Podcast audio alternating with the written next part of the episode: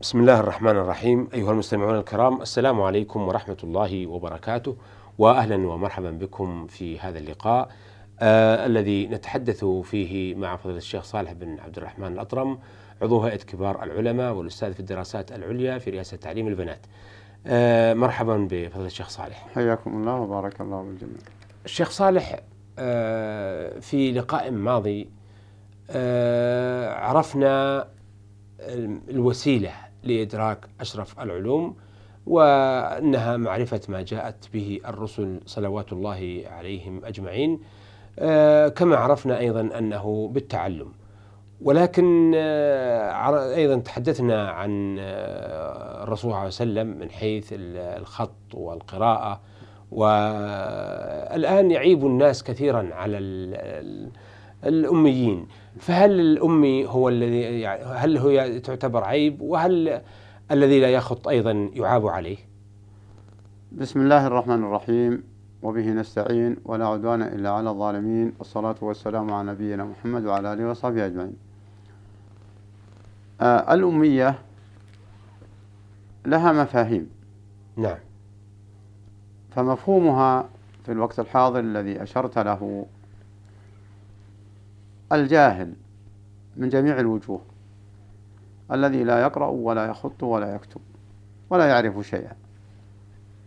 وهذا صحيح.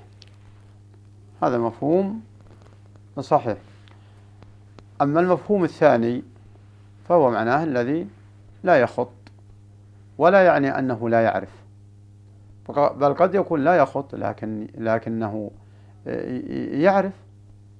وهذا ما وصف به الرسول عليه الصلاة والسلام بقوله ولا تخطه بيمينك إذا لارتاب المبطلون فكون الرسول عليه الصلاة والسلام ما يعرف الخط وهو يعلم ما علمه الله ويعلم ما وجب الله عليه لا يوصف بالأمية بالمفهوم بمفهوم الوقت الحاضر.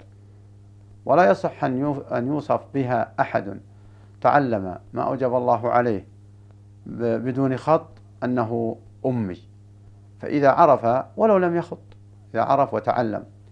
فهذا الأعمى كفيف البصر آه، يتعلم ولله الحمد ويعرف ما أوجب الله عليه ويتلو القرآن ويحفظه ولا يوصف بأنه أمي بمفهوم العصر الحاضر. نعم. وقال تعالى فإنها لا تعمى الأبصار ولكن تعمى القلوب التي في الصدور. فإذا الأمية بمفهوم العصر عمى القلب الذي لا يعرف ما أوجب الله عليه ولو آه، ولو ولو كان يخط.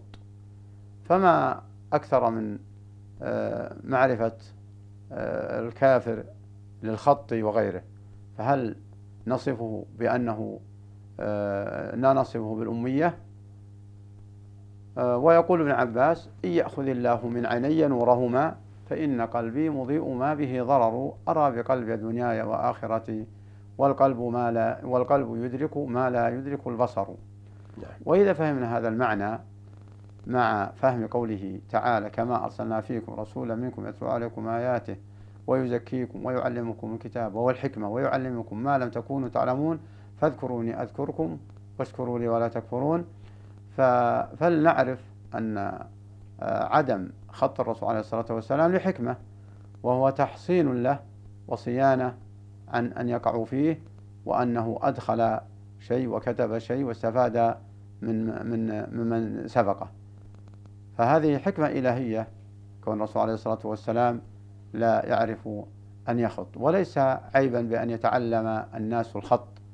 فكان عليه الصلاة والسلام يأمر من يعرف من الصحابة أن يكتب وجعل آه، عوض الفداء لمن آه، المأسورين في آه، بدر أن يعلموا الكتابة.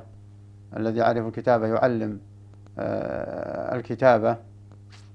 والصحابة كتبوا القرآن والعلماء كلهم يكتبون.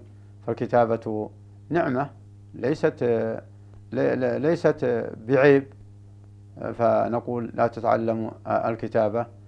وكونه يكتب ولا ينتفع من في ولا ولا ينتفع بالعلوم التي ترشده للصراط السوي لا ينفع عنها الأمية. لأن الأمي في مفهوم الوقت الحاضر هو الجاهل. الجاهل مطلقا نعم. سواء في الخط أو في أو في المعلومات. فالمقصود أن من جهل الخط فقط أو يعجز عن الخط فقط لا يوصف بالأمية ما دام متعلما. والعلم النافع وإن تعلم علما غير نافع فهو أمي مهما تعلم. نعم. نعم. آه نريد أن نعرف الأصلان العظيمان لمعرفة الله سبحانه وتعالى. آه الأصلان العظيمة لمعرفة الله سبحانه وتعالى الأصل الأول أن يعرف الطريق الموصل إلى رضا الله. وذلك بتعلم آه، بالتعلم من القرآن والسنة.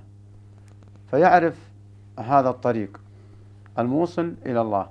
لأن الله قال وأن هذا صراطي مستقيما فاتبعوه ولا تتبعوا السبل فتفرق بكم آه، عن سبيله.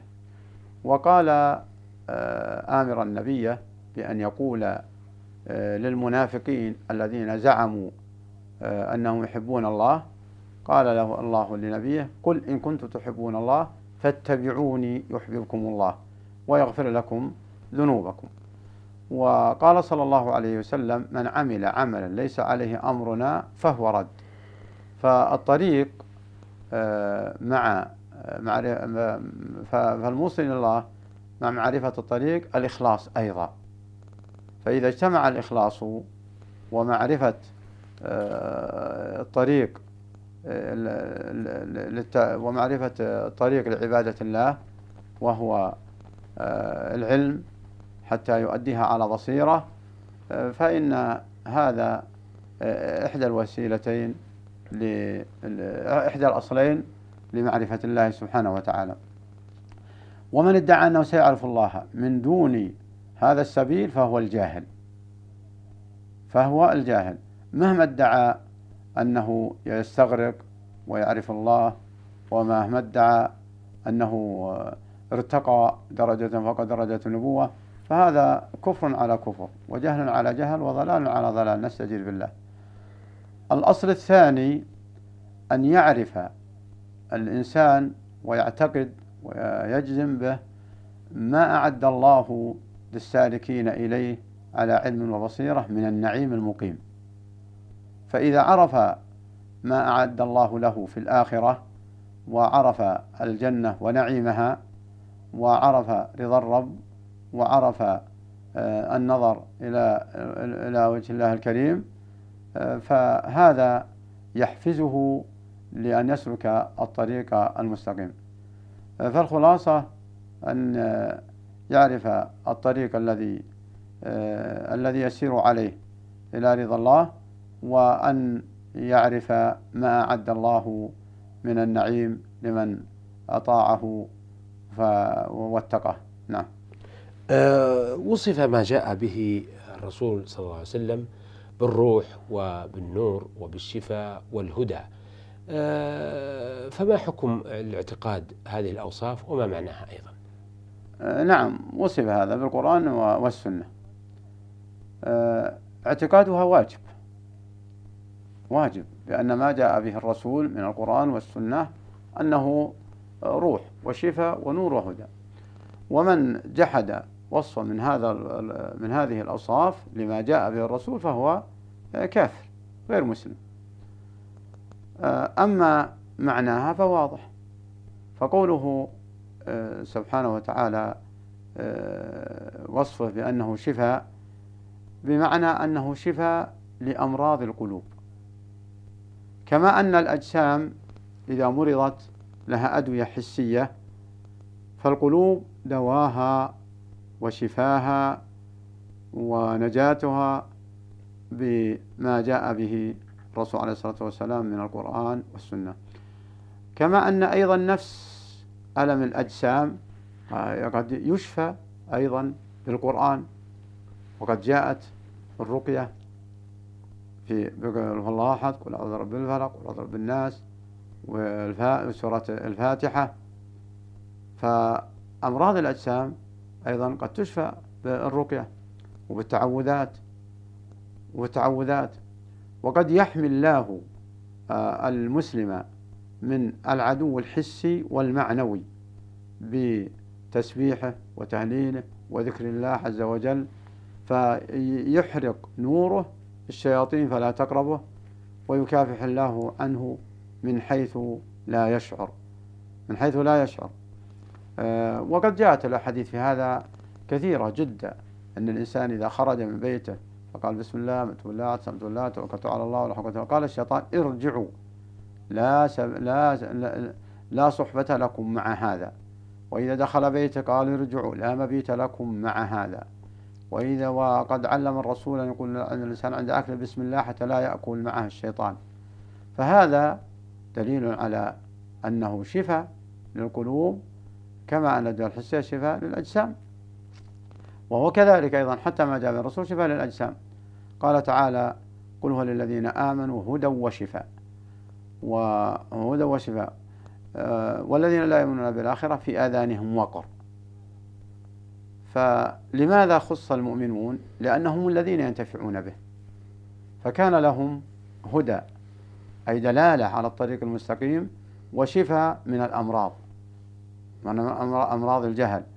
ولهذا الذين لا يؤمنون به في أذانهم وقر ثقل لا يسمعونه لا يدخل في قلوبهم حتى يكون لهم حصن وحتى يكون حتى يكون لهم حصن وشفاء. آه، وأما النور وصف بالنور فلأنه يضيء السبيل إلى الآخرة كما يضيء النور الطريق الذي يمشي به في, في, في, في الطرقات الطريق الحسي. فكما يضيء له القمر وتضيء له الشمس ويضيء وتضيء له أنوار الكهرباء آه، للطرق الحسية. فإن القرآن ينير له آه، الطرق المعنوية والحسية أيضا. فإن الله سبحانه وتعالى يوفقه. فهذا سبب تسميته آه، نور. أما تسميته روح فلأن به الحياة. فكما أن الروح بها حياة الأجسام فما جاء به الرسول عليه الصلاة والسلام به الروح لحياة القلوب. نعم. و و والحياة المنشودة في الحقيقة حياة القلوب. قال تعالى يا أيها الذين آمنوا استجيبوا لله وللرسول إذا دعاكم لما يحييكم واعلموا أن الله يحول بين المرء وقلبه. وقال تعالى ومن يعمل الصالحات من ذكر وأنثى وهو مؤمن فلنحيينه حياة آه، حياة طيبة. فبه الحياة حياة القلوب وحياة الأجسام أيضا. قد يقيه الله من آفات لا يعلمها تضر ببدنه وتهلكه وتضر جسمه وتضر جسمه. وعلى الإنسان على المسلم أن يتمسك آه، بحبل الله وأن يعتصم به من قلب مخلص ولا ولا ينظر للفائدة العاجلة. يرتقبها فإذا تأخر مرضه أو آه، وقع في في في في ملمة قال ما نفعني. هذا زيادة بلاء وزيادة هلاك. فالمسلم إذا مسك الطريق فلن يخيب سعيه ولا لن يخيب مسعاه. فسيجد آه، عاقبة ذلك وسيحمدها. آه، لأن أنك مأمور بفعل الأسباب. وأما النتائج فهي إلى الله سبحانه وتعالى. فالمقصود أنه وصف بالحياة لأن به حياة القلوب. نعم. آه شكرا أثابكم الله. بهذا نأتي أيها الأخوة إلى نهاية لقائنا هذا الذي تحدثنا فيه مع فضيلة الشيخ صالح بن عبد الرحمن الأطرم عضو هيئة كبار العلماء والأستاذ في الدراسات العليا في رئاسة تعليم البنات. شكرا لفضيلته وشكرا لكم وإلى أن نلتقي بحضراتكم نستودعكم الله. والسلام عليكم ورحمة الله وبركاته.